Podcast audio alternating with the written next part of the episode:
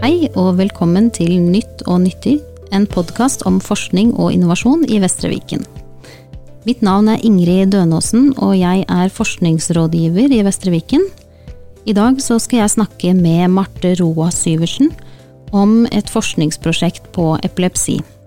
Marte er lege og forskningssjef ved Drammen sykehus, og hun har en doktorgrad om ungdomsepilepsi og hjernens panneloppfunksjoner. Hun har også gitt ut flere bøker om hjernen. Velkommen, Marte. Tusen takk. Um, vi skal snakke i dag om et forskningsprosjekt på epilepsi som heter Kan vi tette gapet? Det stemmer? Mm. ja. Kan du si litt om hva det prosjektet går ut på, og hvordan det kom i gang?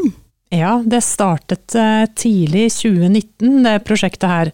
Uh, da kom det en utlysning fra Norges forskningsråd Eh, og det er jo ofte med på å styre ideene vi forskere har. Altså hva ønskes fra eh, Hva ønskes det at det forskes på, hvilken retning skal man gå i.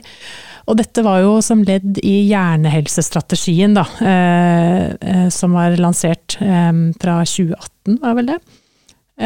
og da var, var, det ønsket at det skulle opprettes nasjonale fagnettverk, så vi hang oss på Eh, og søkte om midler til det.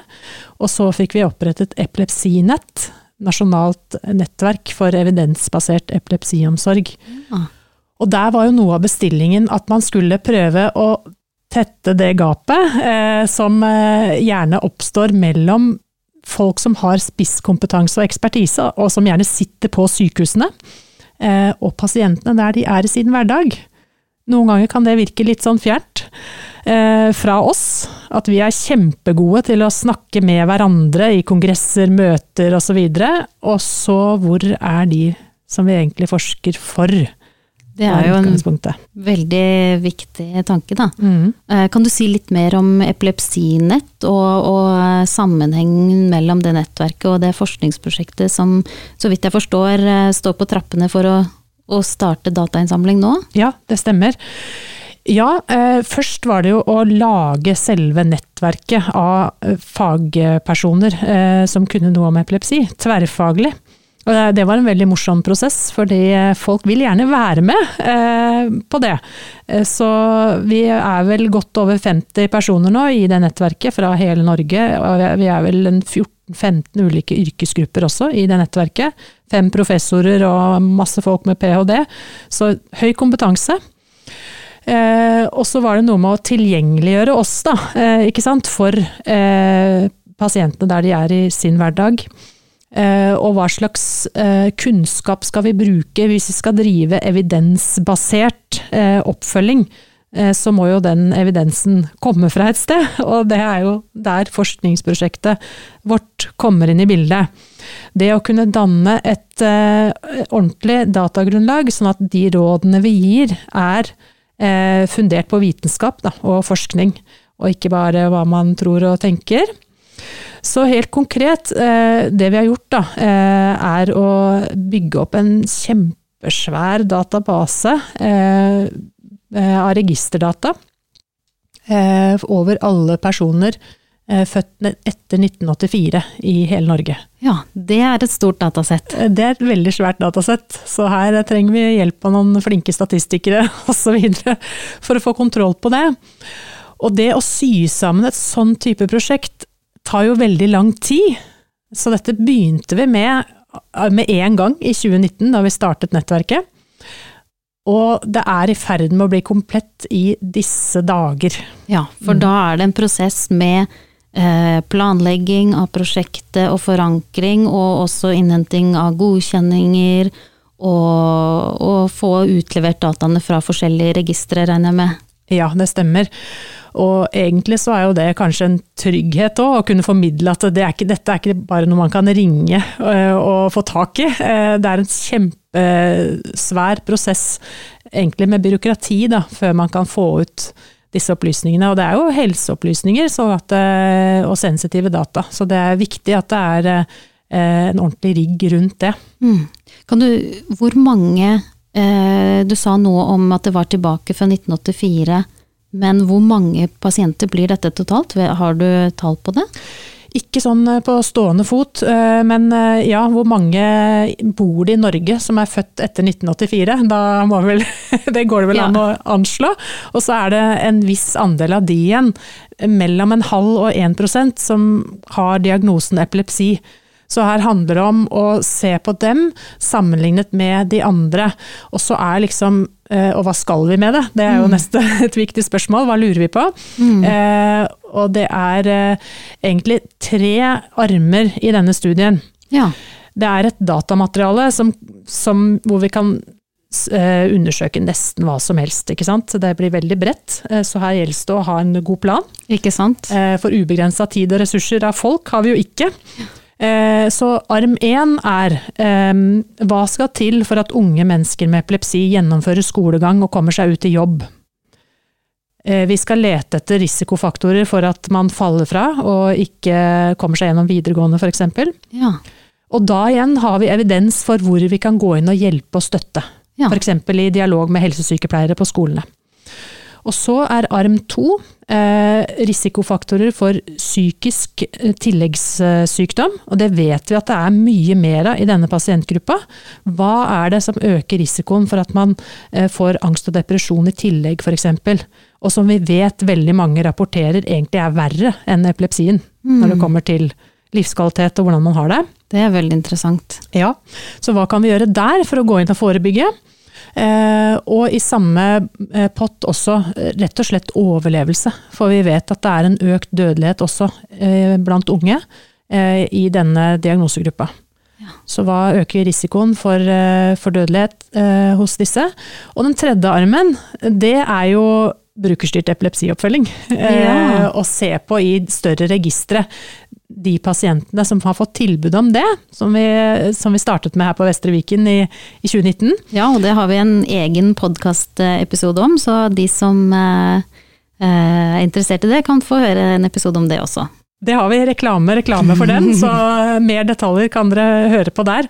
Eh, og da er jo spørsmålet hvordan har det egentlig gått med, med deres helsetilstand og, og forbruk av helseressurser der. Så da har vi fått lov til å koble data fra disse store registrene sammen med ID-ene på de pasientene som får den typen oppfølging, så at vi kan få ganske troverdige eh, opplysninger om effektene av den typen oppfølging. Mm. Det er jo veldig viktige problemstillinger som, som du lister, som dere skal undersøke. Um, har det vært gjort noen eh, lignende prosjekter som det her på epilepsi før?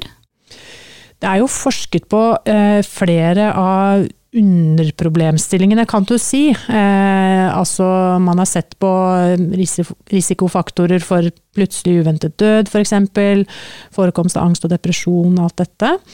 Det det mangler informasjon om, eh, så vidt meg bekjent, eh, det er jo frafall fra skole og yrkesliv og hvilke risikofaktorer som spiller inn der. Vi har jo noen pekepinner om at psykisk helse er viktig, tilhørighet osv. Og, og effekten av brukerstyrt epilepsioppfølging, det er jo noe helt nytt. Eh, så der mangler det i hvert fall informasjon. Og eh, noe av det unike i det er jo kanskje det, den overordnede størrelsen, da. At det er, datasettet er så stort og bredt, sånn at vi vil jo få veldig god styrke og god Mm. kvalitet på det vi leverer. Ikke sant? Um, er det noe du vil trekke fram som har vært utfordrende? Nå skjønner jeg at dere har ikke begynt å, å analysere dataene ennå, men i en oppstart av et sånt stort eh, prosjekt hvor det krever samarbeid nasjonalt og det er store datasett dere skal jobbe med, mm. er, er det noe du vil si har vært mest utfordrende med prosessen? Den største utfordringen med, med å sy sammen et så stort og omfattende datagrunnlag, det er nok å ha oversikt over hvilke godkjenninger man må ha på plass. Det er ikke bare å rulle i gang. eh, Og jo mer kontroll man har på det, jo mer effektiv vil jo den prosessen bli. For hvis du kommer til ett punkt, og så mangler du et dokument eller noe som det kanskje tar lang tid å få, så begynner jo tida å gå veldig fort, da. Så det er mange ting som skal være med i den potten. Um, hva vil du si er det mest mest eh, spennende eller mest givende med å starte opp eh, forskning som dette? Det er nok kanskje den følelsen som eh, jeg tror mange forskere har med seg. Den, den nysgjerrigheten, hvor du virkelig lurer på ekte. Hva blir funnene her? Mm. Hva er det som teller? Og så i neste omgang å tenke sånn Hva kan vi bruke det til? I direkte møte med pasienten. Og det er noe av det fine med forskning som vi kan drive her i Vestre Viken f.eks. At det er såpass pasientnært. Da, Mm. At det blir veldig konkret. Ja, som forhåpentligvis kommer direkte til nytte for eh, pasientene eh, i etterkant av prosjektet. Ja, man kan nesten hente det rett inn i en konsultasjon på poliklinikken, noe av dette her. Ikke sant? Um, ja, for det var mitt neste spørsmål. Hva du håpa eh, kommer ut av det til fordel for pasientene. Ja. Um, Og da håper jo jeg det, for disse tre armene, at flere unge med epilepsi gjennomfører skolegang og, og kan være yrkesaktive i en meningsfylt jobb. Eh, punkt to, at det vil bli mindre eh, psykisk sykdom og, og lavere dødelighet, for å være litt ambisiøs. Og så på punkt tre, at vi får dokumentert eh, hvilke effekter brukerstyrt oppfølging har, så at man kan eh, bredde det eh, kunnskapsbasert, da. mm. um, hva ville vært dine anbefalinger til noen andre som skal starte opp et sånt eh, Som syns det er spennende med den type forskning og vil starte opp et sånt stort prosjekt? Gode samarbeidspartnere, eh, og henvende seg til noen som har litt erfaring fra før, eh, og et så omfattende prosjekt som dette, så skal det nok ganske mye erfaring til, tenker jeg. Mm. Men på en annen side, de som sitter med den typen erfaring, f.eks. har et professorat eller har vært i forskningen lenge, det er jo det de ønsker seg aller mest. En engasjert person som virkelig har lyst til å gå inn eh, og bruke tid eh, på å finne ny kunnskap. Mm, ikke sant. Eh, og samarbeidspartnere, kan du si litt mer om organiseringen av prosjektet? For det eh, Vi har snakket om at det er nasjonalt. Ja. Ja, kan du si litt om det? Ja, eh, det bygger jo på det epilepsinett-nettverket som vi etablerte tidlig i 2019. Eh, Og der er det jeg som er leder, eh, og jeg som skrev søknaden til en Forskningsrådet den gang. Eh, Så det har sitt utspring her i Vestre Viken. Og så har vi en forskningsansvarlig som er på Haukeland. Marte Bjørk heter hun, og er professor der. Og så har vi jo med oss OS eh, spesialsykehus for epilepsi, SSE, Trondheim, Tromsø, ja, spredt utover i landet. Mm. Så det må være mye kommunikasjon mellom mange forskjellige personer på forskjellige eh, sykehus, og eh, hvordan er det å ha overordna ansvar eh, for en sånn organisering? Ja, man må i hvert fall ha Teams på PC-en sin. det er et veldig viktig verktøy. Fantastisk verktøy. Eh, Så vi har regelmessige møter eh, der, som vi bare har eh, uansett. Og da kommer det alltid opp noe, og så kommer man litt videre. Mm. Og så har vi jo en ambisjon om at vi skal møtes fysisk i hvert fall én gang i året, da. Ikke sant.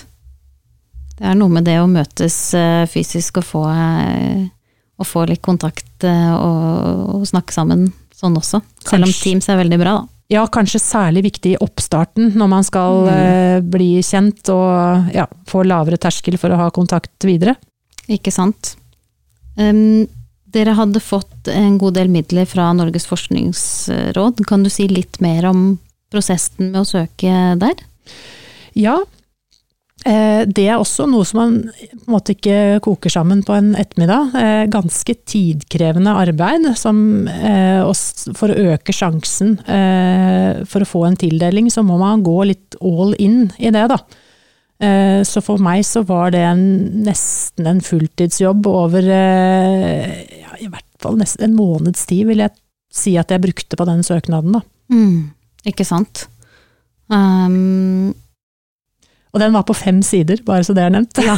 Det er ikke mye plass man har, men det gjør det jo enda vanskeligere, for det må være spissa, eh, og man må vise at man er i gang, har de rette kontaktene, gjør gjøre det sannsynlig at dette faktisk blir gjennomført, eh, blant annet. ikke sant. Men dere fikk jo da, kom gjennom nåløyet og fikk eh, tildelt eh, midler. Ja. Um, så det er kjempebra, og vi får håpe dette kommer til gode for epilepsipasienter i både Vestre Viken og hele Norge. Um, hva er veien framover for dette prosjektet nå? Ja, eh, det er eh, veldig kort eh, oppsummert analyser. Fordi eh, nå er jo dette store datasettet så å si komplett. Og vi har eh, brukt disse fire årene som Forskningsrådet finansierte for å etablere nettverket eh, og dette store datasettet. Og det var jo det som var bestillingen egentlig også. Og at det skulle munne ut i forskning. Og det er jo akkurat der vi står nå, da, i overgangen fra etablering eh, til forskning og analyser. Så da handler det om å få på stipendiater eh, og forskere som kan bruke disse dataene og publisere vitenskapelige artikler om det. For det er jo det språket vi snakker. Eh, det er da, da det kan brukes og siteres og nå andre. Eh, så det er der vi står nå.